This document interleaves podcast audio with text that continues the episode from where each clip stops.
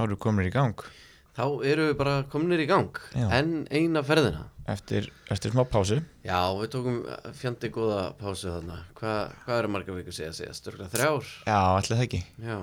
Ég er alltaf búin að taka upp eitt stykki bíómynd í millitíðinni. Já, og fór hérna vestur á fyrði akkurat. Þetta er sem þú varst búin að tala um þarna Sumarljós og síðan kemur nóttin. Svo kemur nóttin, já. Svo kemur nóttin. Um mitt sem reyndar hérna svolítið fyndið að því að hálft krúi var belgist og þau náttúrulega tala ekki íslensku.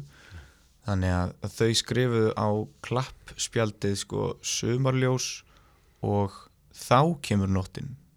Og það var ekkert leiðrétt fyrir en bara degi 30 eða eitthvað. Svolítið fyndið. En já þetta gekk mjög vel. Þetta var rosa skemmtilegt og hérna ég er að fara aftur í vetur líklegast janúar eða eitthvað svo leiðis Já. að klára eitthvað smá auka í svona vetartökum en þau eru Er það bara einhver flashback eða fram í tíman? Nei, þetta bara gerist yfir svo langan tíma að e, það eru allar hérna, árstíðinar í myndinni skiljum Já, og þegar það er sumar eins og núna var svona, já, ágúst þannig að það er hægt að taka upp bæði sumar, vor og haust og svo því. Og nóttina náttúrulega en, en þá eftir að taka upp svona hefi veturinn sko. Já, það náttúrulega já, ekki hægt að feika það að það er engin snjór. Þannig að við erum meila svolítið að býja eftir snjó og svo höldum við áfram. Þannig eitthvað tókst að nota hérna vor, sumar og haust þarna á, í lók sumars, byrjun haust Já, Já, Í rauninni. beautiful, og, og hérna, já, ég meina ég hafði ekkert með það að gera en, en ég var þarna. Vel gert samt sem aður. Þeir tókst þetta. Og hérna glöggir á hlustendur heyra kannski að þú hljóma daldið veikburða. Eða Já, þú hljóma rosalega veikburða. Æ, æ, æ Já, ég lendi í smá óhappi. Um, ég væri til í að segja að það hefði gerst í tökum og ég hefði verið í ykkur svakalegu stöndi og meitt mig þar en, en það er ekki svo. Ég var bara á körfuboltaleg á. Þingeri og uh, svo vann liðið sem ég var að styðja var sem sagt sata fremsta bekk í stuðningsmannaliðinu búin að kalla og berja á, á trommur og allt þar að syngja og allt þar á milli. Já. og svo loksis hérna flautar klukkan til leiksloka og þá hoppa allir svona út á völlin sko að fagna. Æ, og meðal annars ég og í ykkur svona kraðaki að þá lendi ég í samstöðu við einhvern annan og fekk svona högg á, á bringuna og, og það var alveg ógeðslega vond og svo daginn eftir þegar ég kom söður og þá endaði ég endaði kærasta mín því að, hérna, skikka mig til að fara upp á Slísó og þar komst ég að ég var með bráka rifbein Brákaður rifbein já, Þú hefði líka getað lokið þessari sögu bara á að þetta hefði gerst á körfuboltaleik.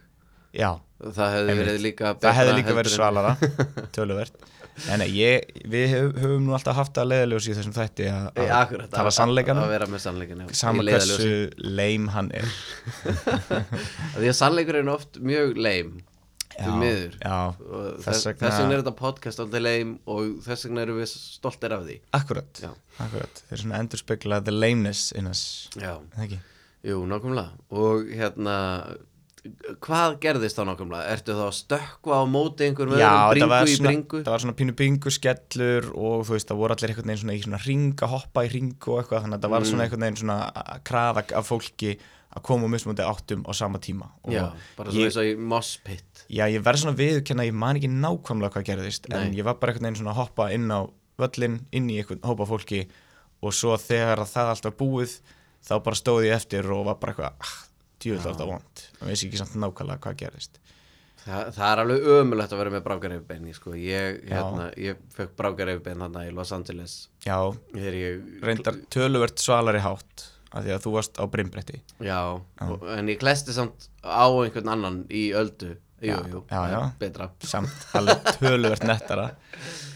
En, en það, það var alveg í, held ég, tvo mánuði sem að ég, sko, og ég fekk á sama tíma mikið ofnamiskast og ég var alltaf að herra Já, og ég þurfti alltaf bara svona að leggjast niður í gólfið og svona þrista mér upp að gólfinu þegar ég var að fara að hnerra því að Æ, það var svo ógeðslega sársökafullt að hnerra. Já.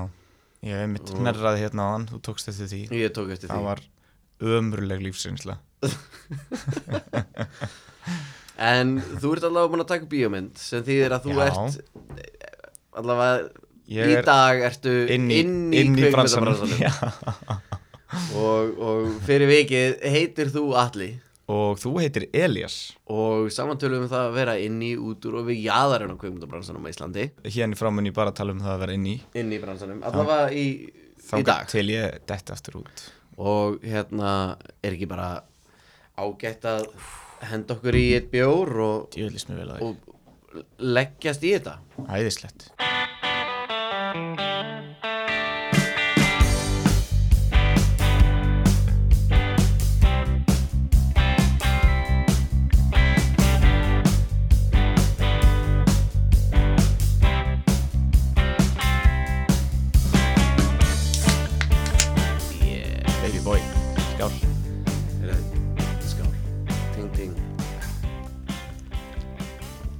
en eh, hvað sér, hvað hefur hérna á þína daga dreifið á meðan ég hef verið að að, að hérna, dandalast fyrir vestan. Herðu, ég tók nú hérna bara svona einu hálfa viku í hérna svona PA störf. Alveg rétt. Og hérna og bara mega busy og mega gaman. En ég myndi nú samt ekki segja að það sé inn í kvikmyndabransanum. Nei, þetta var fyrir raunveruleika sjónvarp einmitt. Þannig að þetta var algjörlega við jaðarinn. Já, varst ekki bara svona að passa upp á eitthvað talent? Eða varst, varst ekki bara svona Jú, svona ég hérna, aðstofamaður ég nefnilega það er rosalega mikið secrecy yfir þessu öllu saman þannig að hérna Mm, Ég veit að ég, ég, ég þekki alveg sko ég held ég sé með allavega svona þrjá góða félaga sem eru, hafa verið í þessu verkefni Já, segja bara ekki neitt mjög lítið sko. Já, það er er mjög skrítið rosa af því að strangt. Ég hafði ekki hugmynd um hvað þetta væri og Nei. ég held ég þekki ekki neitt sem að veit hvað þetta er akkurat, það er það eru hérna það eru þessi framleiðendur sem að koma hingað til að taka þetta upp sem eru bara rosalega strangir á þessu. Já já Þannig að- bara ekkert mál, það er bara fjör. En, og ég hugsaði mitt strax bara um leiði að heyra eitthvað svona raunlega sjónvarp og ókslega mikið secrecy bara já ok, er þetta Survivor? Og, og vinur minn bara, ekki þú. Annar vinur minn bara, nei þetta er ekki það. Og ég eitthvað, mm, ok. Þá kemur ekkert annað til greina. Allavega, þú veist, fyrir mitt leiti ég veit ekkert meir um svona þætti.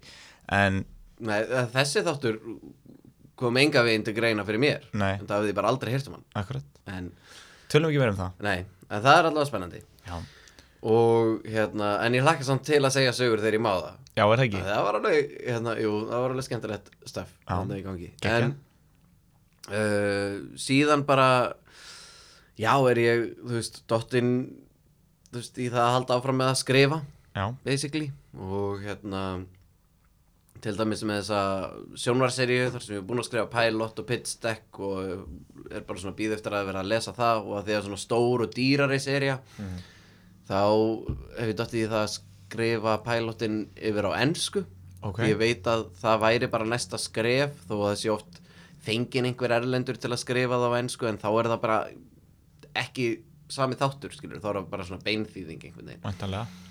Og hérna og ég meina þú lærðir á ensku eða þú veist, þú Já, mér finnst mjög gaman að skrifa, skrifa ensku, ensku þannig að, Og ég er núna að skrifa kvikmyndahandrit á ensku. Já, Þannig að, þannig að það er alltaf læg Mhm. Og bara skemmtilegra Þú veist, það var hægt að nýta sér þetta enskaferli Til þess að hérna, Til þess að nota það sem bara endurskrif skilur. Já, það fær að hugsa öðruvís um struktúrin á hverju einustu atriði og, og, og karakterar virka betur með því að vera svona yktari á ensku Mm. þú veist, og þannig að það er gaman að leika sér daldið að því að íkja allat daldið upp og síðan er þetta að draga hérna ákveðin element úr enska þættinum yfir aftur í íslenska þegar maður endur skrifa það því að, Já, ég veit ekki með það, svona one-linerar er einhvern veginn, þeir lifa betur á ensku sko. já, það er rosalega erfitt að vera með eitthvað svona eitthvað svona svalt. Já, ekki, ekki það að ég sé að skrifa eitthvað mikið af one-linerum. Nei, nei, nei, nei, en þú veist að vera með eitthvað svona en 100% þú veist, að segja eitthvað svona að segja eitthvað svona badass já, já, eitthvað. einmitt. Þeir reyndu það svolítið í hérna Stellu Blomqvist já, Þeir, það var svolítið mikið reynd ég þar hef að ekki séð með þá þætti en, en ég hef heyrt það. hef reyndar ekki séð það heldur. Já, ég ákvaði bara að hrauna yfir þá þeir eru nú að fara En að gera aðra séri þetta var svona gaggrinin sem ég heyrði allavega um þá þætti að þeir voru svona að reyna að vera ógeðslega mikið sjannra, þú veist svona noir sjannra en það bara veginn gekk ekki alveg upp út af því að þetta var á íslensku Já. skilur, og þeir bara einhvern veginn gerði ekki ráð fyrir því. Þa, það gekk allavega nógu vel upp þannig að þeir eru að fara í hérna, tökur á næstu seríu. Já ég vissi það reyndar. Og hérna og það var reyndar svona veist þess að við erum alltaf að tala um að reyna að hafa einhvern svona struktúr á þessum þætti hérna hjá okkur. Já, við erum ofta að reyna að tala um það Já. að vera með struktúr og þetta það, er, það er eiginlega struktúrin okkar er að tala um að, að vera með struktúr. það er svona eina leðaljósið okkar en hérna en við erum með þessa fínu grein frá Klapptri sem að var enda skrifið einhvern veginn í ágúst. Mhm. og hérna en það er bara svo langt síðan að við höfum hist þannig að við höfum ekkert getað talað um það. Einmitt. en þar er einmitt talað um að það hafa bara aldrei verið jafn margar kvikmyndir og sjónvastættir í gangi einu á Íslandi. Einmitt. á, á tilteknu á, ári. á ári, og það er hérna alltaf tíu bíómyndir og níu þáttaræðir þannig að ég held að við ættum bara svona svona Ren- þú veist renna yfir það já þú veist við þurfum ekkert að gera það allt bara svona eittur á bingo en þú veist vi- við erum nú með náttúrulega þína mynd hérna sumarljós og síðan kemur, kemur nóttin. Svo kemur nóttin. kemur nóttin. Akkurat. Og Stellu Blomqvist 2 Heyrðu, já, hvað er þetta? Ég er að reyna að finna þig. Finnur Mig? ég er ekki til það það er ekki talað um. Já, já, meina myndin, já, Já. sumarljós hérna er, Hérna, heyrðu, þá, þá les ég bara aðeins um hana hérna. ok. Sumarljós og svo kemur nóttin í leikstjórn Elvars Aðalsteins sem einnig skrifar handrit eftir samlendri bók Jóns Kalmans Stefánssonar. Elvar framleiðir einnig fyrir Berserk Films en aðri framleiðendur eru Lilja Snorradóttir Pegasus, mm. Heather Millard og Ólafur Darri Ólafsson sem að leikur náttúrulega eitt af hlutverkunum. Sigur Jón Sigvatsson og Snorri Þórisson eru yfir framleiðendur og hérna er smá um seríuna um, myndina. Þorpið er stúdfullt af skrýtnum sögum og ef þú hlustar þá segjum við þér kannski nokkrar þeirra. Af forstjóranum sem dreymir á lati, latínu og fórnar gleistum frama fyrir stjórn, stjörnuskoðun og gamlar bækur. Af næstum gegnsæjum dreng sem tálkar og málar mófugla. Af framhjáhaldi undir berum himni og stórum steini sem er mölvaður í duft. Ú. ert, ert þú gegnsæði drengurinn sem tálkar og málar mófugla? nei, ekki svo gott. Næja, það er uh, annar karakter. Næja, en þú ert þarna einhver staðar? Já, það verður allavega skemmtilegt. Já. Þetta verður fjör, ég hérna, hef mjög góða tilfinningu fyrir þessari mynd. Já, ég er nefnilega mega spenntur. Ég er ekkert búin að heyra þannig séð. Nei, einmitt. En hérna, það er líka bara óslega gaman að því að þú veist það er alveg svona einvala lið leikara í þessari mynd og þetta er rosalega svona leikara hefi mynd. Ég held að séu sko 60 og eitthvað uh, rullur í þessari mynd. Veist, speaking hlutverk. Vá, náttúrulega önnur, e, sumstærin önnur náttúrulega en, en það er alveg held ég einstæmi sko að vera með vera með 63 karaktera sem tala það í er myndinni, það er bara það er dýrt og mikið mikið batteri. stöf sko hérna, eða alltaf svona named karaktera já. en þetta líka er, er náttúrulega byggt á bók og, og hún, hún fer alveg svolítið mikið uh, dýbra í þorpið og í svona um, kannski kynir inn miklu fleiri karaktera heldur en uh, myndin næra veginn að höndla í, í 90 mínuna struktúr eða, eða hvað sem þetta vera langt þannig að Veistu hvort það var einhvern tíma pæling að gera þetta að, hérna, að sjónvarseríu? Mm, með ég held ekki sko. Ég held Þetta er svo alltaf- rosalega stór flóra í þessari bók. Já, nei ég held að þetta hafi alltaf átt að vera mynd sko. mm og hérna Elvar sem, að, sem leikstýr og skrifar hann er líka búin að vera svolítið lengi með þetta í hausnum sko. Hann- hann byrjaði að vinna þetta áður en að áður en hann gerði fyrstu myndina sína. Já, hérna, End of Sentence. End of sentence. Já, en að þetta er búið að vera svona svolítið baby Já, hjá honum lengi uh, ef ég mann rétt og já, eins og ég segi, ég er bara mjög góð tilfinningu fyrir þessa mynd sko. Já, ég, mér langaði reynda að spyrja þig að því að hérna svona, þetta er, þetta er fyrsta stóra kveikmyndarullan sem þú ert með eftir að þú flytur aftur til Íslands Já, og hérna já í, í íslenskri mynd já, í íslenskri mynd Já. og hérna og fyrir hérna áður en þú fluttir út þá varstu náttúrulega bara svona einn af þekktustu ungu leikurum á Íslandi er það held ég, Jæja. ekki þú veist, náttúrulega með aðhlutverk í Óróa og síðan hérna minna hlutverk í Gauragangi og síðan að bara þú veist, í hverjum einasta ramma af, af Sparrows, Mm. að þrestir Mhm. og fullt af sjónvarserjum hérna í gegn og eitthvað svona ég man allavega ekki eftir því að það hafi verið einhver annar ullingur á þínum aldrei sem var að gera jafn mikið og þú en það er kannski ekki það sem að skipta máli en það sem ég er að spyrja er finnur þú fyrir einhverju svona einhverju pressu að vera svona að þetta sé svona comeback rulla eða hefur eitthvað pælt í því? Um, ekki fyrir núna bara. Nei, nei ég, hérna, ég verði samt alveg að viðkynna að ég var pínu kannski ekki stressaður en ég var svolítið kvíðinn að, að taka þessa rullu að mér að því að það er ógslag mikið þarna sem að það er svona, þetta fer svolítið langt út fyrir það sem ég kann og þá sérstaklega til dæmis tónlistar elementið í þessu. Já, og ég þurfti svolítið mikið að, að leggja mig fram til þess að selja það allt saman, þú veist, hann á að vera alveg rosa flinkur á píano og, og alls konar hljóðfæri sem að ég er bara alls ekki. Þannig að já, ég, ég var svona pínu pínu kvíðin yfir því en, en hérna, svo bara um leiðu ég mætti og, og byrjaður þá var þetta ekkert mál. Já, en það var bara eitthvað svona, þú veist, ég var bara eitthvað aðeins að mikla fyrir mér allt þetta uh, tónlistardæmi og náttúrulega líka það er alltaf pínu, pínu stress að vera að leika móti svona, svona eldri established leikurum. Ég fekk að vinna mikið með hérna uh, Ólafur Darra og, og hérna Sveini Óla sem að leikur pappa minn. Og þeir eru náttúrulega báðir bara klikkaðir skilur og ma Já, maður já. lítur sjúklega mikið upp til þeirra þannig að það var mjög gaman að fá að leika með þeim. Yngvar Elik nú pappaðin í hérna Já. þrestir emitt og það var á sín tíma líka því líkur heiður og, og stress og allt sem því fylgdi sko en bara geðvig lífsnesla og maður læriði helling á því bara að fá að fylgjast með honum sko. Já, og hérna og þú varst náttúrulega búin að krefja þér svona góða leið sem framleiðandi einhvern veginn áður en að þetta og ykkur erlend verkefni döttu inn hjá þér Mm. þú veist er þetta eitthvað að skipta þínum hugsunum sem svona já, kannski ætla ég að vera áfram þú veist, aftur þessi leikari og þú veist, og fá aftur svona stórleikaradrauma eða ætla að halda áfram þínu striki sem framleiðandi eða sko mér finnst ég einhvern veginn ekki vera í stjórn um, á leiklistaferlinu mínum.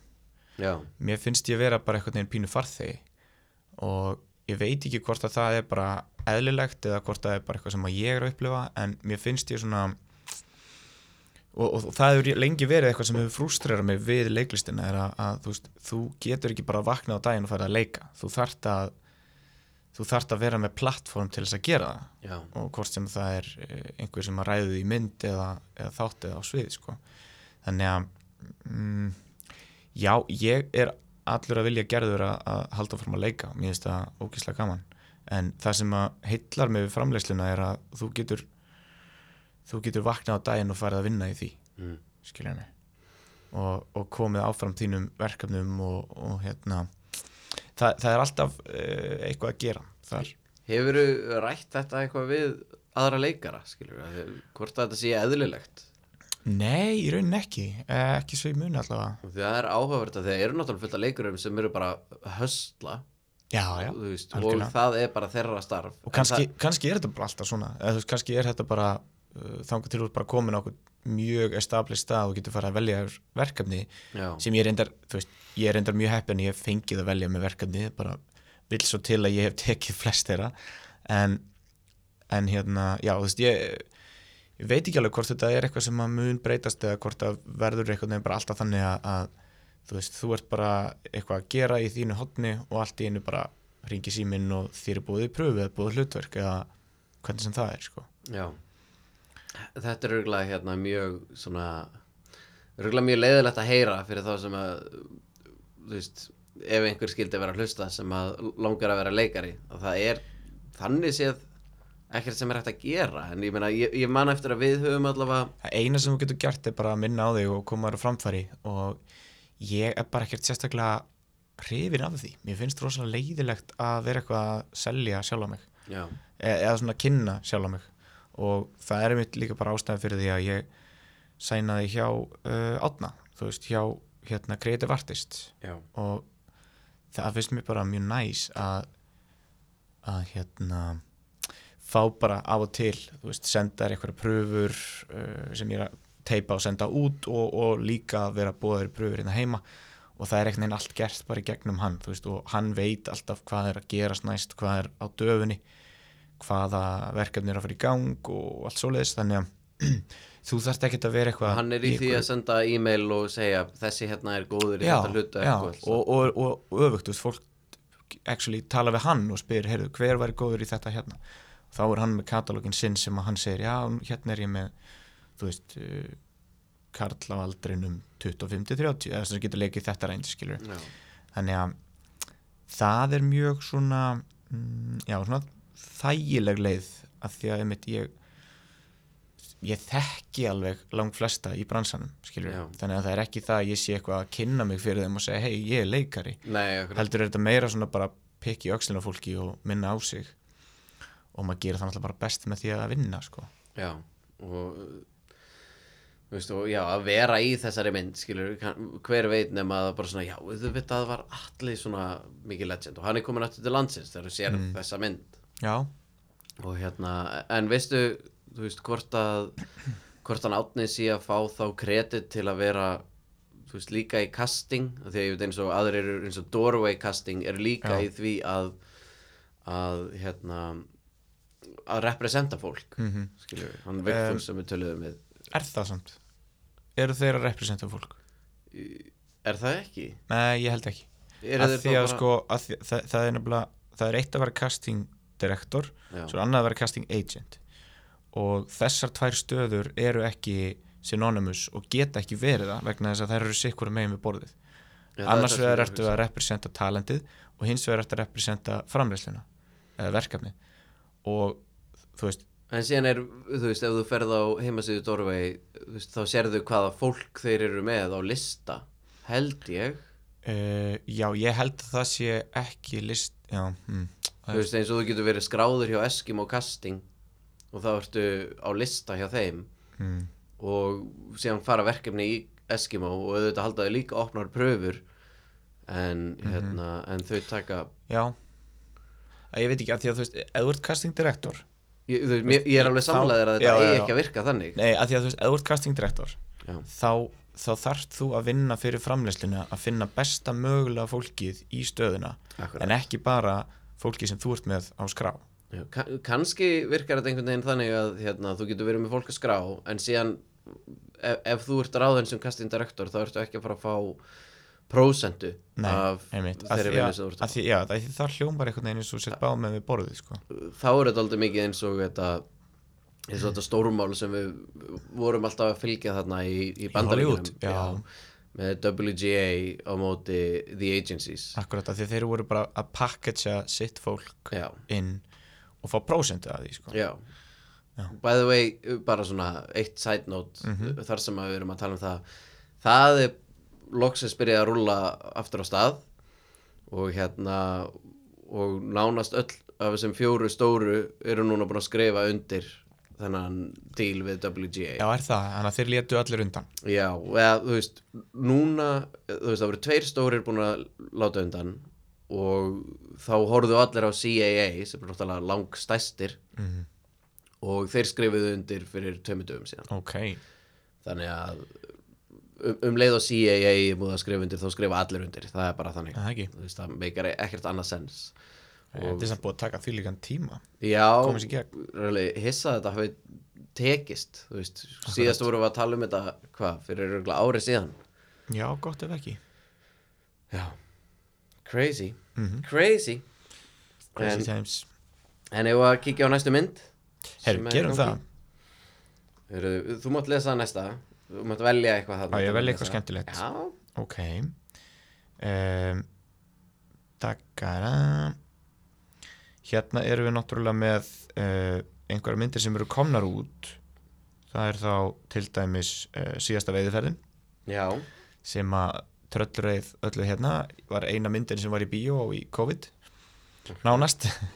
Þannig að um, nei, býtu nú við síðasta veiðferðin, þetta er hérna næsta mynd. Nei, síðasti saumaklúburinn er næsta mynd. Síðasta veiðuferðin er það sem að koma út.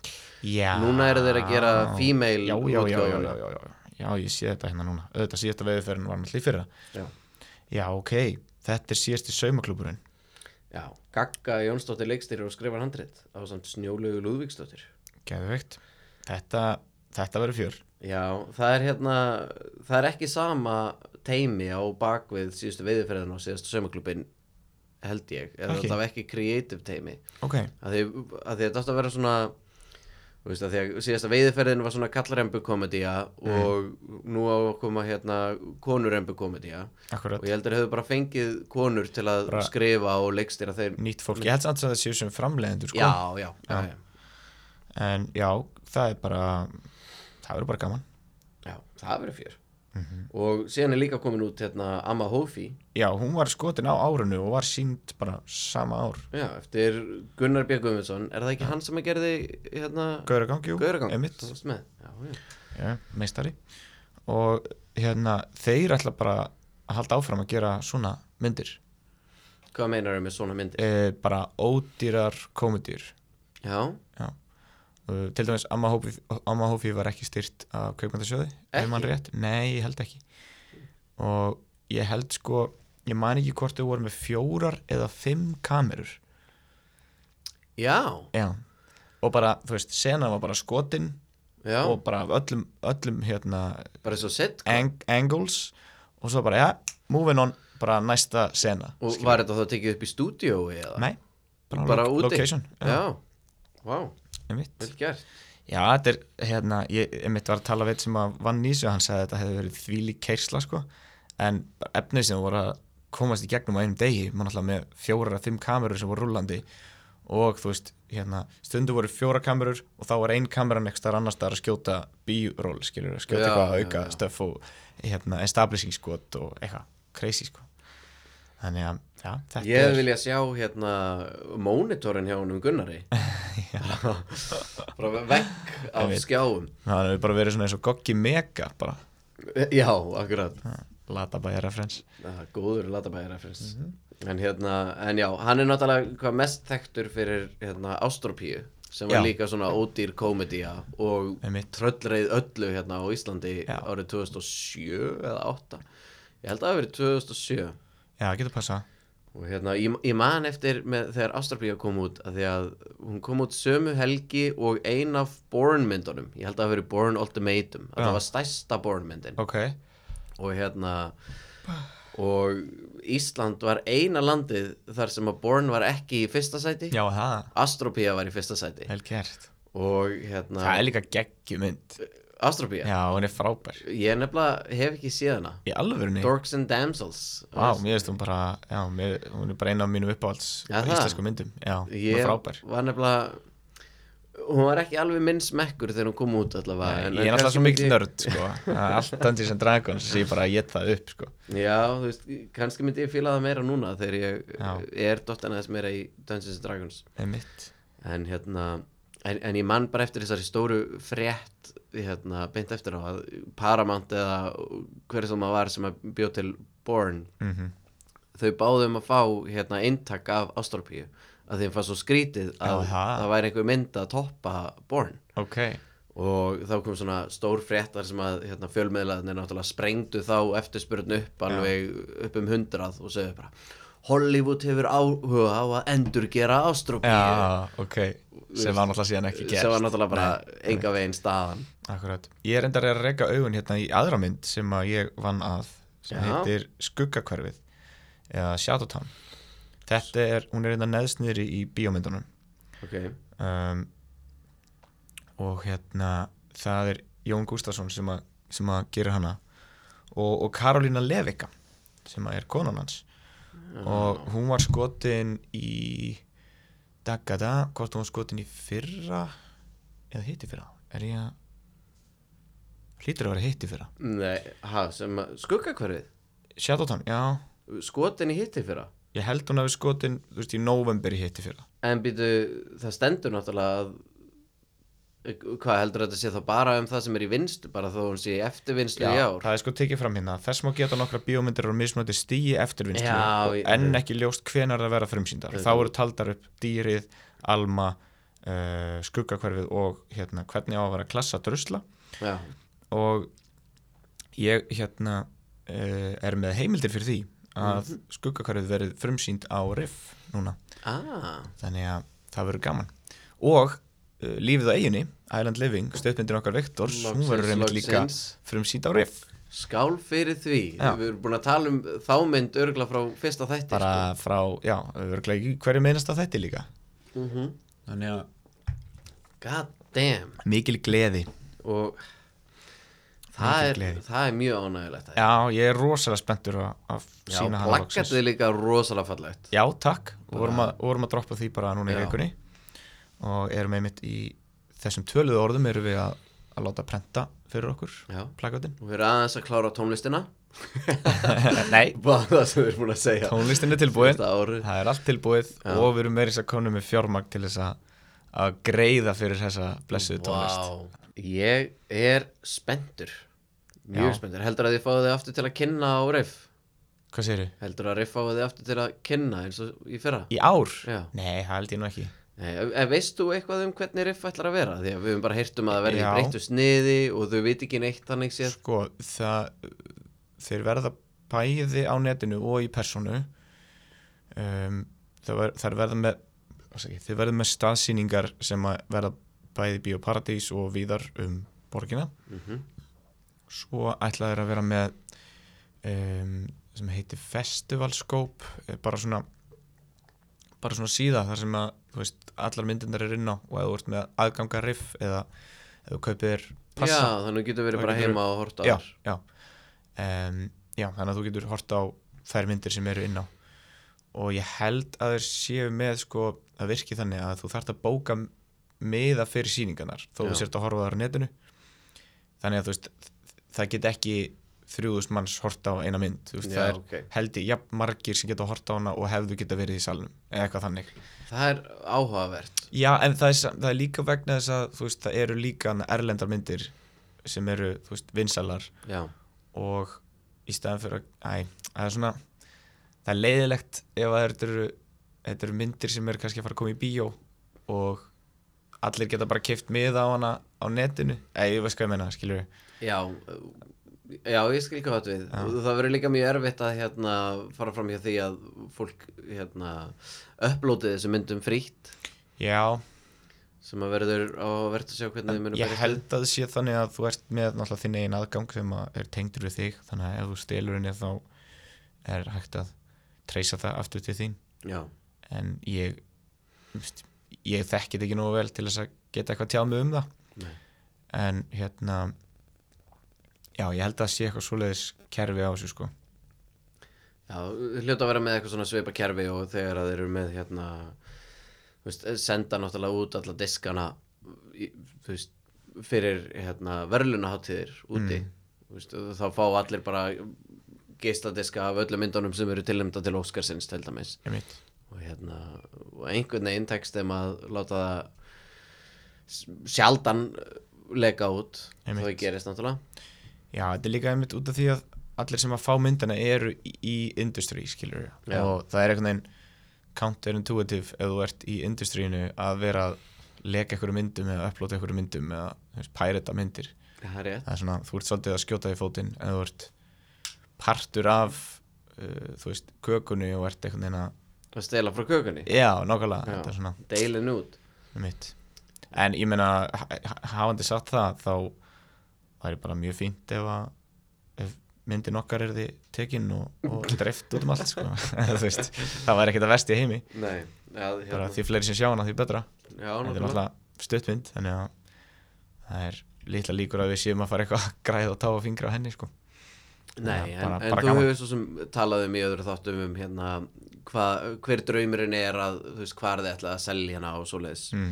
Og ef ég man rétt þá er náttúrulega bara svona Sjónvar Símans svona The Classic Mhm. og Rúf til að sína hana fyrst og síðan dreifinni á Sjónvarpi Símans. Mm. og síðan voru það að tala eitthvað um Netflix. Er, er það eitthvað sem þið eru að halda áfram að reyna miða á eftir að hérna, að því að nú eru þið komið með þetta festival push basically? Já, sko uh, það er eiginlega það er mjög viðkvæmt að tala akkurat um þetta núna af því að Já. við erum í samningavirðum við uh, dreifingræðala hérna heima. Þannig að uh, einmitt núna þá get ég ekki talað um það. Nei, ok, en bara vonandi gengur það eftir og þá erum við komið með sýningar eftir hérna heima eða að dreifingu hérna heima fyrir ekki og uh, já og, og þú veist ég meina plani hefur alltaf verið að fara í festivalun og, og, og við höldum því bara höldum okkar striki í því saman hvað gerist annar staðar. Já. en núna til dæmis erum við komnir inn á þrjárháttíðir, við erum komnir inn á Riff uh, við erum komnir inn á finska háttíð sem heitir Oulu Children and Youth Film Festival og er einn stærsta uh, barna og ungmenna háttíð á Norðurlöndunum. Já, um, og svo erum við komnir inn á þíska háttíð líka þar sem við erum í keppni sem er mjög skemmtilegt og spennandi. Og svo erum við að býða eftir svari frá alveg svona tíu háttíðum bara Mhm. á, á næstu vikum sko. Þannig að já, það er þetta er spennandi. Þetta er það. Þetta er mega spennandi. Já, ég ætla að þetta er næstu bíómynd. Já, gera. Það er hérna Skjálfti já, eftir Tinnur Hrafsdóttir Einmitt. byggð á bók Auðar Jónsdóttir uh, Lín Jóhannesdóttir frá Urfus Parfus framleiðir. Úrsparfus, já. Urfus Parfus stemt er að sýningum á næsta ári. Saga, já þetta er núna um hvað þetta er. Hún Saga vaknar upp minnislaus og spítala eftir alvarlegt flogakast. Hún veit að hún á son og átta sig á að hún er einstæð.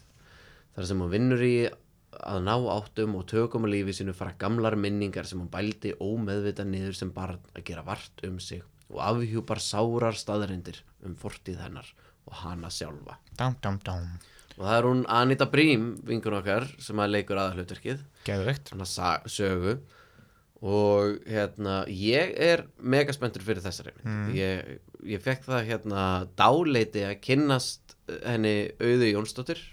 Já, þegar að uh, við hérna einar vorum að gera svona uh, svona lítið kynningamindband sem er eiginlega orðið að svona mini mini-dokumentari um íslenska bókmyndir.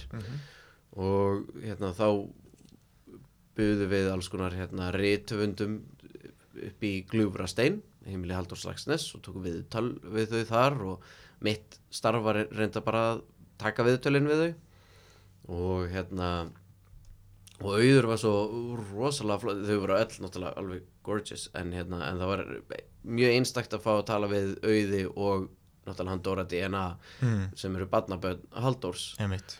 Og í þessu heimilegu ég fekk að spyrja þau svona hvað er hérna, þú veist, hvaða minningar vekur þetta herbergi fyrir þér og, og það var hérna var mjög, mjög einstakt að fá að sjá það og, og eftir þennan fund eða þú veist, eftir hann þessi kynni þá hérna byrjum við auður aðeins svona meira að spjalla saman og tengjast og svona og ég er búin að vera að spyrja hvernig gengur með þessa mynd og ég hef ekki séð neitt sjálfur en hún hefur séð alls konar hluti og segir að þetta sé alveg gorgeous og Ok. bara þvílík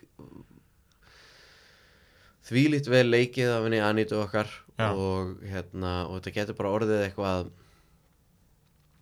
veist, bara svona rosalega fallegt karakterpís því að Mm. bókin sjálfur náttúrulega bara endalust flott karakterpís Mhm. og þannig ég er mjög spenntur fyrir að sjá hvernig allt þetta fer já og tinna náttúrulega legend þannig að mm, ég, þetta er eina af svona þessum íslensku myndum sem ég er mjög spenntur fyrir já. Þessi og, og sömarljós og sumaljós svo var hérna ein mynd uh, sem var bara að klárast. Já, og það er uh, Volka Volk, já, heyrðu, það var eitt af þessum lista sem ég veit ekki neitt um. Það er íslensk pólsk mynd. Já, og hérna það er sérst Átni, Átni Óli sem að uh, geri til dæmis Brim. Já, ok. Og hérna og Lóa líka. Já, uh, teknimyndina Lóa já, ok Já. og sem sagt, þetta er hún er á pólsku þessi mynd og fjallar Ok. um uh, hérna fjallar um uh, pólska konu held ég á Íslandi og hún er líka tekin upp í Pólandi ég held að hafi verið að rappa núna á Íslandi og farið síðan til Póllands til að klára Getur þú lesið um hvað þessi mynd er þarna, eða hvað þau segja allavega að hún sé um? uh, Pólskona, Anna, rýfur skilorð í Pólandi með því að fara til Íslands á veit örlegana ekki, það er ekki meira að tekja fram Nei, ok. en hérna, hún Anja vinkon okkar, Já, hún var í því sem er náttúrulega pólsk og er hún að leika í henni? nei, hún var held ég third AD ef ég mann rétt Já, og var fenginn bara með hérna, mjög litlu fyrirvara og bara flogið til Vestmanneja og bara, þetta er það sem hún var að gera í Vestmanni. já, Já, Já. ok. þannig að það er bara Þa, þetta er nefnilega mega spennandi að því að þetta er bara einhver svona markaðsópur á Íslandi sem að Íslandingar hafa ekkert þannig sem verið að pæla í. með akkurat. Það er svo rosalega mikið magn af hérna, pólskum einstaklingum hérna. Og Bíóparadís hefur aðeins verið að kukla í því með því að vera sínar pólskar myndir þar. nákvæmlega. Og, hérna, og verið með pólska daga og, svona, og það er alltaf uppselt hjá þeim þegar þeir eru með pólska daga. Einmitt, for obvious reasons. Obviously já. Og núna er já þessi, þessi kveikmynd og síðan var ég um að heyra Tjarnabí og er að gera hérna, pólst leikrit með nokkrum íslensku leikurum. Ok. hann Óli Áskirs sem að hérna, leik með okkur í Óróa já, hann er þar. Og þannig að síðustu 2-3 skipti sem ég veit hann þá er hann grafin í Duolingo að læra pólsku. Og sá Vel mynd á honum á Facebook um daginn eða Instagram eða eitthvað þar Já. sem að það var hérna 200 daga streak á hérna Pólsku. pólska Duolingo Vá. og það var búið að hérna, baka handur um köku sem að stóð alvörunni? 200 á nei þessi snillingur og hann er sem sagt, að leika þarna og, það er dedication sko. og, hérna, og kærasta mín hún Sassi sem er náttúrulega pólsk já, og hún, þú veist, alltaf þegar við hittum hann þá spyr hann hana skýr, það, það eru nokkur orðið hann sem að ég verða að spyrja því en helviti gott já, þetta er þetta er markaður. Þetta er mega markaður hérna. herru, förum aðeins í þáttaræðinar þáttaræðinar, ég hef ekki að klára bíómyndirnar? Að, eh, kannski nefnum ekki allar. Nei, ok, þeim. hoppa bara yfir kannski hérna, að er, svar við brífi Helgu sem ég er reyndar líka mjög hérna, spenntur yfir, það er Siksak framleysla ég hef ekki séð neitt frá Siksak í mjög langa tíma finnst mér, mm. kannski er ég bara að vera blindur en hérna, en Otto Girborg er að skrifa handritið á samt Bergsunni Birgisinni snillingur. Og þetta er náttúrulega gorgeous bók sem þetta er byggt á. Mhm. og hérna bara vann íslensku bókmentavelunin og allt þetta. Og hérna en já, það er bara það. Og þú veist jú, jú. Hérna berðreimi og, og leynilögga sem ég í fyrstu held ég manstu eftir að þeir 17 mín, nei, 70 mínútur gerðu hérna svona trailer samkeppni þú veist þar sem að Sveppi gerði kvikmyndatrailer, Ötti gerði kvikmyndatrailer og Pétur Jón gerði kvikmyndatrailer og, og Ötti gerði kvikmyndatrailer sem hétti leynilögga og var svona það var öruglega svona tíu árum eftir að 70 mínútur hættu. Já, það hefur að vera þarna stöð tvö Já, þáttunum já, meira. já. Strá, það er samt bara 70 mínútur. Hvað sem þeir gera saman er bara 70 mínútur ok, og hérna og ég sé hérna að þú veist handritið er skrifað að Nínu Petersen og Sveppa, Sverri Þór Sverrisinni já ok og Lilja frá Pegasus framleiðir þetta það heldur þetta sé bara actual ég nefnilega veit það ekki, af því ég veit að. Ötti skrifaði hérna kveikmyndahandrit út úr trailernum, af því Já. allir elskuðu trailerin reyndi að fara með það marg oft inn í kveikmyndasjóð og Mhm. var alltaf að fá nei og það var alltaf hérna veist, það var alltaf svona stórfrétt gerð um það að Mhm. hann væri alltaf að fá nei og það væri ekki ganga og ég, ég get svo svarað það því að hérna er það sem er segja um, um þessa mynd. Grjóthörð ofurlögga í afneitum varðandi kynneigð sína verður ástfangin af nýja félagi sínum og með þeir rannsaka undarlegt bankarán þar sem engu virðist hafa verið stólið já, Og þetta sko- er pottet það Þetta er það, af því að það var náttúrulega sena í þessum trailer þar sem að hann er eitthvað að kissa Gils og Gils bara hættu þessu, þetta má ekki. Og veist, þetta, já, þá er þetta klálega það. Það er ógeðslega fyndið. Mm og ég, ég er spenntur fyrir því. Svo náttúrulega söngleikja mynd að koma sem hefur ekki verið gert bara síðan er- var og hétt Það er Ababab já, sem er náttúrulega byggt á hérna samnefndum söngleik eftir Já. Dr. Gunna. Mannst ekki eftir prumpulæginu Heyrðu, ég man eftir prumpulæginu, er það úr Ababab? það er ababab Já, ok. Já. og Þeir það er Júli. Kemp og Yngvar Þóruðar stórvinnur okkar sem er að framlega það Já, fyrir kisa og já, það er bara það er, það er spennandi. það verður bara stuð. Og síðan er einhver una hérna, já, sem ég veit ekkert um en, það er Martið Þórsson og hann gerði hérna Já, Óttar M. Norðfjörð að skrifa og svona. Já, með honum Martini einmitt, hann gerði hérna XL ef ég mann rétt. Já, já, já, já, og hérna, já, ég fór í pröfu fyrir þessa mynd.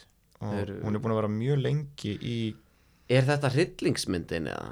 mm, hann gerði líka Rockland bæði en hérna, hryllingsmynd mm, Nei, ok nei, ég myndi ekki segja Það er eitthvað náttúru En það er svona yfirnáttúrulega spennursa Já. Jú, jú, kannski, Ok. kannski má alveg flokka þetta sem hryllingsmynd Ég held ekki sem, ég held þetta meira svona svona Já, thriller svona psychological thriller Já, já.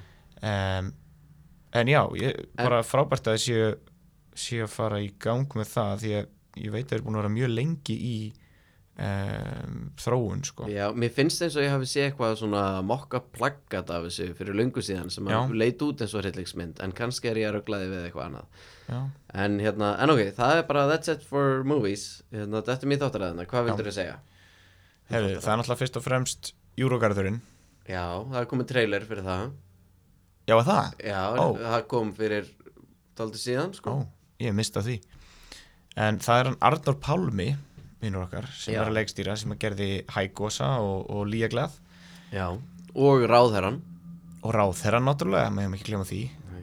en það er gaman serið sem að gerist í hústýragarðinum Já, og ég held þetta verði algjör snild ég held það nefnilega líka. Það er Auðblöndal, Steindi, Jóngunar uh, hérna Annarsvafa og Haldur Haldursson ég held þetta verði bara einhver einhver negla sko. Ég nefnilega sko, það eina sem ég veit almennilega um þetta er að hérna, þú veist, fyrir utan trailerinn er, þú veist, ég, ég mætti á fund varðandi eitthvað verkefni upp í Glass River sem að framleiðir þessa seríu. Og þetta var á meðan þau voru að skrifa seríuna. Og það var bara svona note cards út um allt, all, þú veist, heil veggur bara, þú veist, það var skrifstofan þar sem þeir skrifa þessa seríu. Og ég var að býða eftir einhverjum og hérna og var bara svona að skoða það. Og ég sá eitt notecard og þegar hérna Batti kemur inn og ég var svona bent á honum á svona, hvað hérna hvað er þetta? Og hann svona fyrir að lesa þessar nótur líka var greinilega ekki búin að vera að fylgjast eitthvað svona mjög grant með þú veist að leifa þeim bara að finna út úr hver þessi seria er. Mm. og fórum að lesa þessar nótur og fórum báðið bara að skelli hlæja yfir Já, á veggnum. Einmitt. Það þurfti ekki meira til. Og, og það var eitthvað svona, það var eitthvað svona twist Já. sem ég ætla ekki að segja núna því Nei, nei. ég leik ekki hugmyndum hvort að þau er í þættinum. En, Einmitt. en ef þetta verður í þættinum þá sko það var að brillja já, ok, svona midpoint twist. Ok, ok. Og við hérna við vorum bara ennþá lægjandi yfir þessu þú veist, meira að segja eftir fundin þá vorum við svona, hvað, líta aftur á nótunar þetta er, Það þetta er skemmtilegt sko. Og hérna, já, Svo er það önnur uh, gamanserja uh, Vegferð sem er sko sem Baldin Setta akkurat. Og það er Víking, Víkingur Kristjánsson sem að skrifa handritið af því.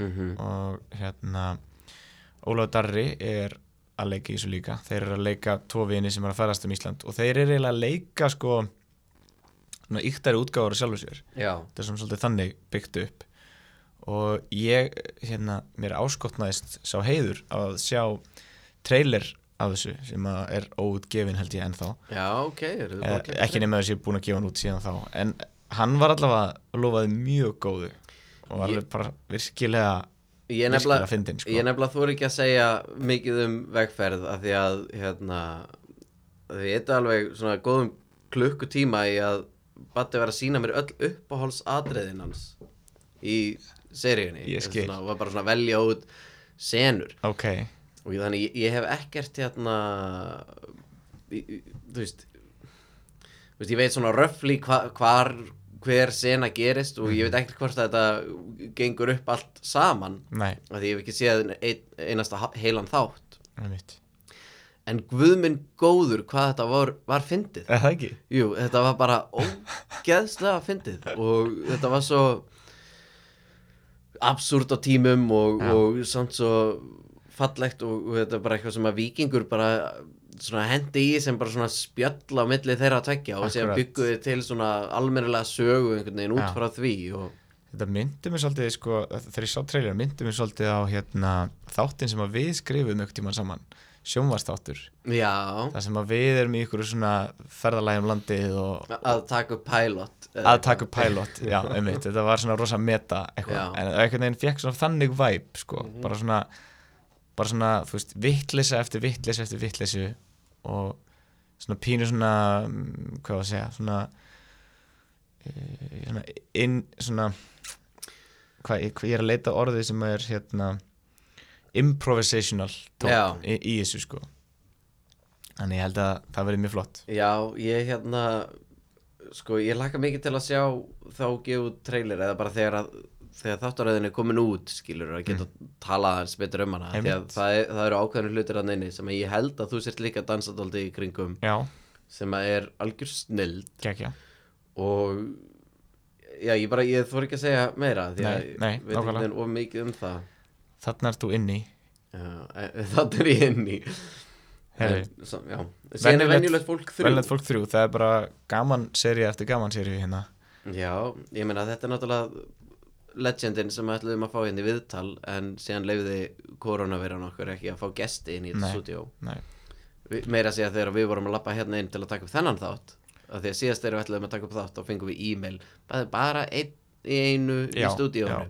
Þannig að við þurftum að sko svindla okkur eiginlega hérna inn. Já, Ég sko lappa, lappa upp að hérna deskinu til að fá leikilinn að kompuni og þá eh, lappar Elias inn og þetta var svona eins og okkur leikþáttur að því að við vorum ógíslega passa okkur á því að þykjast ekki þekkjast of mikið. Þannig að það var einhvern veginn svona góðan daginn, já, er sæl uh, blessaður, góðan daginn. já, þetta var ömulegt útastleikrit sem voru með þarna fyrir framann já Fyrir svo framan lappa ég hérna. áfram deskið, gera einhver dans Býð þetta að þú komir. Þetta var mjög fyndi en já, þriðja serían af því, það er bara Já, fymta serían sem þær gera saman. Þær voru náttúrulega með tvær seríur og þær tvær. Akkurat. Ég, ég sést þarna eitthvað örlítið í venjulegt fólk 3 já, sem er eitthvað að vera að skama mig. Já, alveg rétt, þú ert í þú ert í því, Já, bara uh, hálfu dagur. Verður stuð. Og systrabönd, ég er líka svona hálfur dagur í systrabönd. Já, það, Já, þú ert bara að fá miklu meira að gera heldur en ég. Já, ég er að leika starfsmann eftir starfsmanni. Það er svona útlendingar sem að myndu skoða IMDb síðan og svona, Já. já, ok, hann er að gera rosalega mikið af svona sama karakterinn hérna, í mismunandi seríum. Hann er greinlega eitthvað legend. Alltaf að leika sama Einmitt. en hérna starfsmaður á leikskóla. En sýstrabönd er ég mjög spenntu fyrir. Mm. -hmm. Selja Haugsdóttir náttúrulega sem við töluðum við hérna í, í Reykjavík Creative Hub. Og hérna, já, þetta er sagafilmserja og ég verð nú að lesa um hvað þeir eru hérna í, í kringum aldamótin síðustu já, í kringum aldamótin síðustu hverfur 13 ára stúlka sporlaust. 19 árum síðar finnast jarðneskara leifar hennar og þrjár æskuvingunur neyðast til að horfast í augu við fortíð sína. Hmm. og þetta er eitthvað svona bjúttari þetta er einhver bjútari ég fá endalast SMS-um hérna ég verð að já, fara bara, í- fara bara í airplane móti eitthvað. Já, herru, svo er það verbúð. Verbúð, já, Já. ég veit. Það er Gíslut Garðarsson og Björn Linur það er það eina sem ég veit um það. Þetta er svona, þetta er Vestuport framislega já, og ég veit ekkert um hvað þetta er. En þetta stendur hérna fjallar um afleggingar kvótakerfis fyrir lítið þorp. Já, þetta er svo seri ok, ég er endar mega spenntur fyrir þeirri seri ok, já. Já. ég er mega spenntur fyrir því. Já, Vestuport, hvað er það síðasta sem við sáum frá Vestuport um, er það ekki aldrei síðan, bíómynd. Eitthvað. Það ekki bara verið kongavegur sjö? Nei, já, það, getur það verið? Heldur að það hefur bara uh, sögt þeim? Nei, við hljótum að hafa gert eitthvað Já, mill- í ég, millitíðinni. ég meina þú veist þegar við vorum úti ég fylgdist svona asnalega lítið með íslensku hérna, mm. kvikundum og sjónvarpi og meðan við vorum úti hljóta að hafa gert eitthvað. Ég, en mér finnst ég hafa ekki séð nei, eru þau ekki bara búin að vera svolítið að leika, eða þú veist bara á sviði? Það er ekki bara svolítið búin að taka upp tíma þeirra? Jú, hugsanlega. Já, en það á að vera mjög vel skrifaðir þættir hef ég ok, heyrt. Það er allavega enda líka bara helluð dramaserja Já, þeir var send, síndir á rúf á næsta ári. Næsta og það er ári. spennandi Þeir svo erum við með Kötlu. Já, the one and only. Við höfum nú talað mikið um hana hér Já, við höfum gert það. Og fengið góða gesti. Já, við þurfum að tala við hann Davíð aftur. Já, Af Því að hann var síðan fenginn, hann Davíð Már sem að skrifaði köllu Síðan Mhm. var hann fenginn til að skrifa eitthvað af hérna, ófærð. Já var það? mm Já, ok. Og hérna, Já, þannig að Sigur Jóni Kjartansinni hefur litist vel á drengin já. Það er nú gott. Hérna, Við höfum örgulega sagt hérna, eitthvað frá því um hvað Katla er En já, við höfum talað svo mikið um köllu í þessum þáttum að Já, já, ég, Allir vitum köllu ég held við þurfum ekkert að ræða það frekar Það er bara mjög Nei. spennandi verkefni og verður á Netflix. Já, Mm. það er huge. Moving on. Moving on, Stella Blomqvist 2 Já, hér stendur sko tökur fyrirhuguðar á eftirfarandi þáttaröðum í haust. Já, já, þetta er sagt, hérna undan er það sem er búið að taka upp. Já, Þannig að búið að taka upp verbúðina uh, já, já, Lítur út já, fyrir það? já. Ok, ég er mega spennt fyrir það Þess vegna hafa allir lesið handritið af því og þú veist að ég hef bara heyrt góða hluti um það Einmitt. og hérna, en já, Stella Blomqvist 2 við Mhm. vitum allir öll hvað hérna Stella Blomqvist 1 var Já, en sjáum nú hvað þeir segja um hvað þessi þættir eru uh, þremur árum eftir örlagaríku atbyrðina í stjórnaráðinu sem gerist í fyrstu serju Mhm. er Stella enn að harka. Dagbjört er forsetisráðara og Ísland er paradís á yfirborðinu. En þegar ný mál koma á borð til Stellu sogast hún aftur í ringiðu glæpa og valdatafls þar sem hún mætir hættulegum andstæðingum. Hættulegri? Hættulegri andstæðingum en hún hefur áður kynst ah. With a vengeance sko. Já, Já, þetta er uh, spennandi já, ég veit ekki meira en það. Uh, Vitjanir. Já, það hef ég aldrei hýrt um. Þetta er átt að þátt að serja sem segir af lækninum Kristínu sem að ásand dóttur sinni flyttu til móður sinna líti sjáarþorp í kjölfarskilnaðar uh, hún neyðist þar til að horfast í augu við skugga fortíðar og það er Eva Sigurðardóttir. Já. Já. er þetta ekki þá Fractures er þetta ekki Fractures Já, er þetta það súserja? hann lítur að vera Ok, þá meika það sens En ég hef bara aldrei hýrt þetta nafn. Já, Eh? þetta er greinlega nýja íslenska uh, heitið á Já, þessari já, já. ég allavega hef, fyrst skipt sem ég heyri þetta íslenska nafn. Já, og hérna og þetta er glassræfur verkefni þannig Mhm. að það eiginlega bara hlýtur að vera. Ég mitt Ófær þrjú Óstaðfestar heimildir hermaða tökur á þriðju sirpinu um lögreglumannin andra hef ég stífist ég get bara meira sér staðfest þetta að Nei. það er, ég hafa hafist hófust í ágúst og já, standa yfir núna fram í januar þetta verður alvöru stöf þriðja serían óferð Og síðan er hérna serían sem er núna bara að fara að koma lenda á rúf 20. september. Já, Það er ráðherran yes. Og það eru náttúrulega meistararnir Birkir Blær og hérna, hvað heitir gæðin sem að skrifa alltaf með honum? Er það Jónas Margeir eða, um, já, ekki. Eða er kannski Birkir, það, það er náttúrulega teimi sem að skrifaði Thin Ice Mm. og hérna og eitthvað eitt viðbót. Something else. Já, flott teimi samt. Já, en hérna, ekki, ekki brot, nei. Nei, Nei, nei, nei, nei. og hérna, kannski var bara kannski var bara Thin Ice og ráðherran sem að, þú veist, seldist á, á sama tíma, skilur, og fór í tökur á sama tíma það er hann Arnar Pálmis og, og Nanna Kristín sem að leikstýra því já, og Ólaf Darri fyrir með aðhlutarkið og, og Anita Brím okkar, Anita Brím, já okkar allra Já, það er nú ekki minnst á hana hérna sem er ansi leðilegt. já, svona er það er bara fjöldi annara leikara að kemur við sögu. já, Ja. en, en trailerinn lukkar mjög vel Trailer er lukkar nefnilega mjög vel. Það Já. komið teaser og trailer og vinur okkar átni gestur, hann klifti saman trailer. Einmitt. Þannig að hérna, við erum bara með það. Ég veit ekki, meira meina, um ráður hann sko. hann svín lukkaði ég Já. er mjög spenntur fyrir þessar seríu af því að þetta uh, við erum alltaf höfum rætt um ráðherran svolítið áður og aðalega út af uh, svona já vesenni með, með sagafilm Já, varandi, varandi kvikmyndutökulið og, og, var, Og laun, laun og að fá greitt og eitthvað svona akkurat. en það er gott að þeir eru búinir að, að búin að greiða öllum koma sínum málum í hag og, og eru núna bara að fara að sína Ég meina, ég er ég er ennþá alveg á því að, hérna, að, að þegar fyrirtæki eru ekki að greiða laun, veist, þau eiga að vera á einhvers konar lista þangar til þau eru búin að greiða, Já. svo þau get ekki bara hoppa beint í næstu veist, að, að ljúka síðustu framleiðslu áður en þú dettur í næstu. Akkurat, sérstaklega já, ef þetta er eitthvað svona vesen sko. Já, en svo náttúrulega aftur og aftur stór framlistu fyrirtæki eru oft með fleiri en eitt verkefni í gangi. Ég meina Glass River er núna með fimm verkefni í gangi eða eitthvað. Ógeðslega mikið af verkefnum. Það er svo líka, þú veist, á síðasta fundi sem ég mætti á í síðustu viku uh, það var bara heilt hellingur af fólki að vinna þarna sem að ég hafði aldrei séð Já, á auðminni og bara veist, allir út um allt og að það er alltaf verið að breyta og já, já, bara ógeðslega mikið í gangi. Það er aðeinslegt já, mér er þess að bara erfitt að finna herbergi til að tala saman. Ok, bara svona, já, við erum að fara hérna á The West Wing. Svona búin að leka inn í næstu skrifstofu Er- er það hérna- er það þá uh, eru við fyrstir að tísa á það að Glass River er að fara að stækka við sig? Getur það verið?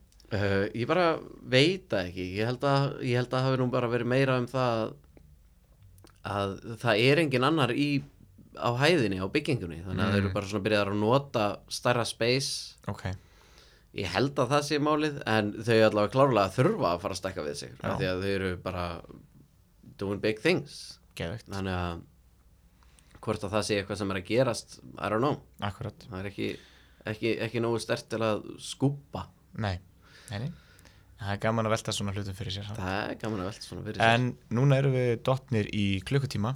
Já, Og og, við erum búin að fara yfir allt. Já, og ég var að vera mættur upp í háskóla eftir hálf- hálftíma tæpa. já, og ég náttúrulega reyfi mig, á 20% hraða.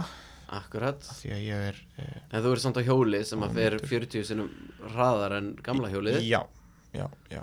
Þannig að ég get svona ég get svona farið upp á það og, og ítt á takka og þá er ég svona eins og ég sé á svona ellinöðru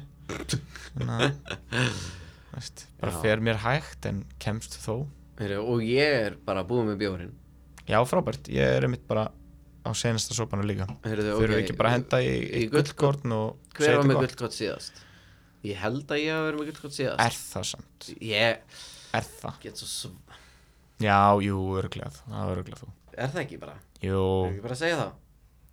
Er það með eitthvað? fuck sjá? Sko, við þurfum að fara að tala um þetta áður en við byrjum þáttinn hver er með gullkort svo ég hafi nú allavega klukkutíma til að hugsa Ok, kannski er ég með eitthvað gamalt gullkott hérna sem að ég ætlaði einhvern veginn að Jú, erðu, ok Þar sem að við vorum að tala um hérna uh, Já, við vorum ekkert að tala um það reyndar En Þannig að þú ætlar að koma gullkort Já, já. Ok, það er gott, Ég- því annars hefði ég bara sagt ekki bráka okkur veist, það er bara verið mín gullkort Það fyrir er vikuna. Það er ömulegt já, En hérna, en ég er svona smátt og smátt að verða alltaf meira tæknivættur ok, Og þú veist að ég hef ekkert alltaf verið þannig. Nei, Kefti til dæmis fyrsta snjálfsímum minn þegar við fluttum til bandaríkjana 2014 Já, Já. og það var bara vegna þess að ég þurfti Google Maps til að rata í Los Angeles. Akkurat og hérna en, en núna þegar ég svona sá svona, ég fekk svona mini panic attack eftir þetta PA gig að því að bara svona það var þægilegt að vinna sem PA í smá tíma og bara svona reynsa hugan ég áleit það eiginlega eða ég ætlaði að áleita það sem bara svona frí en síðan en maður náttúrulega svo busy að ég þurfti frí eftir það. Og hérna Það er mjög dreining, sko. Já, mjög dreining, mun meira dreining heldur en að hella sér í whisky og fara að skreifa eitthvað heima hjá sér sko.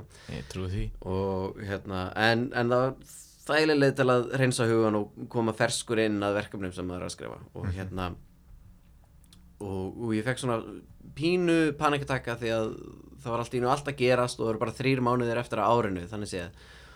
Og, og ég vissi ekki hvernig ég ætlaði að klára þau verkefni sem ég þarf að klára. Þannig ég byrjaði að fara í kalender og svona Apple kalender og ég veit ekki hvort að fólk sé að nota þetta en ég allavega hef alltaf skrifað allt niður bara í svona dagbók Mhm. þú veist, hvenar ég á að gera hvað. Og, og mér finnst þú rosalega þægilegt að setja upp bara veist, þetta verkefni er í grænum lit þetta verkefni er í bláum lit og bara hvað ég þarf að skrifa mikið og hvað ég hef langa tíma til að gera það fyrir hvert einasta verkefni til þess að geta verið skilað öllu af mér sem ég þarf að skila af í ár. Einmitt. Og að að það er eiginlega bara svona 31. desember þá er bara svona þá er ég bara að vera búin með allt sem ég er að vinna að núna og síðan kemur svona, jújú, jú, eitthvað annað phase, þú veist, það er sem er að endurskrifa og allt svoleiðis, en það er bara svona það mun koma svona restart button í. 1. janúar hjá mér og þetta bara, þetta hjálpar gífurlega og ég mæli mikið með því að bara setja allt niður og sérðu bara hvað þú ert að vinna í, hvenar. Ég mitt byrjað á þessu uh, líka bara held ég í lók senast árs eða eitthvað svo leiðis. Ég reyndar er með hérna, Google kalendar, Já. ekki Apple kalendar og ég fíla það miklu betur heldur en Apple. Ok. Þannig ég mæli með að þú tjekkir á því. Er það app sem þú downloadar? Já. Já, ok. Já. Og veist, líka bara ef þú ert að fara inn á til dæmis drive-ið þitt eða eitthvað þannig, þú veist, þá getur þú basically bara farið inn á kalendar.google.com það er bara sama dæmi og það synkar við öll tækin þín og Ok. alveg sama hvað þú ert, sko og náttúrulega það sem er þægilegt líka við það er að þegar að við erum til dæmis að funda ég og þú eða einhver annar þá get ég senda á þeim á þau fundarbóð þá fer það bara beint inn í þeirra kalendar skilur eins og núna með kompuna Heyrðu- þegar ég bóka kompuna þá fer kompan bara beint inn í kalendar hjá mér ég þarf ekki að gera neitt. Ég reyndar að lærði á þetta að því að við vorum að reyna að setja upp öll viðtölin f- upp í gljúfrastein. Við vorum með mikið af fólki og gáttu bara að gefa þeim, þú veist, 40 mínútur hvern og einn. Og hérna, og þá var mjög þægilegt að, að búa til bara svona fundabóð þar sem þau gáttu valið sér hvaða tími hendaði þeim yfir daginn. já, og þá þegar þau voru bara að klikka við það þá var sá tími bara farinn. Og ein, ein, Ok. na- þeir sem voru síðastir fengu bara restina ég skil. já, það var, já þannig, þannig að mitt gött hvernig er Google kalendar. Er það ekki? nýta sér það. Að því að, að, því að mitt sko hérna, það er svo þægilegt fyrst og fremst bara sjá visuált hvað þú ert að fara að gera yfir næstu daga eða vikur. Og líka að þú getur sko sett inn í kalendarin hjá þér í kalendarin hjá þér fyrir ekki hluti sem að þú vilt gera eða vilt áorka. Já, þannig að veist, segjum sér svo bara, það er allt í drastli heimaðum og ég hef ekki til í marga vikur þá set ég bara niður veist, ok, ég finn tóman dag bara hérna þriðu dagur milli 12 og 7 þá er bara tiltækt og ég bara negli því inn. Og þá er svo erfitt að svíkja af því að Já. þú skoði, kíkja alltaf á kalendarinn hverjum degi, það er svo erfitt að sjá sjö tíma slott fyrir eitthvað sem er búin að negla niður. Þú ert ekkert bara að fara veist, á brimbrettið eða eitthvað, þú, þú, flýrðið ekki frá því sem þú er búin að setja í kalendarinn af því að þú ert byrjaðar að taka þessu sem heilum kaleg bara, já. hvað er ég að fara að gera í dag skriflegu bókina mína sko já, það, svona Já. stöf sem þú vilt gera já, Já, já. Og, hérna, og, og alls konar sem ég þarf að gera en, en Einmitt. kalendarinn nota ég bara til að sjá svona lita, þú veist, bara svona já, Já. þú veist, eins og ég spurður hvenar hefur næst þrjár vikur í að hérna, skoða eitthvað verkefni og hugsaðlega gefa nótur og Aha. svo leys og, og ég svona, já, það ætti nú bara alveg að vera hægt í ár síðan prófaði ég að setja það og svona, nei, það er bara ekki hægt í ár já, einmitt, Það það er líka að hjálpa manni bara líka að segja nei já, að því þú veist, ég var svo ofta lendið í að vera að tvíbóka mig á okkur fundi eða á eitthvað stöf og þurfa að ringja á eins og hálfviti og bara, hörru, ég ég vissi ekki að ég var að fara ég, þú veist, já það er ömulegt, það er Það er ótrúlega óprofessional og bara Já. ekki cool, þannig að, óprofessional. Hvað er það eitthvað skrítið orð? eða þú veist, óprofessional unprofessional eða þú ert Já. að nota svona íslenskt og ennst. Það er ófagmannlegt, ófagmannlegt ég þarf hjálp- mikið að pissa. Já, Ég ætla að leifa þér bara að halda áfram að Nei, tala. nei, ég er Jú, hættur að þú- nei, þú ert bara ennþá í þessu. Ekki skilja mig eftir, nei, nei Ég get ekki staðið um. Ég þarf, þú þarft að hjálpa mér að standa auð Ég er bara ónýtur. Ég, ég hlusta á þetta bara þegar ég Ekki yfirgefa mig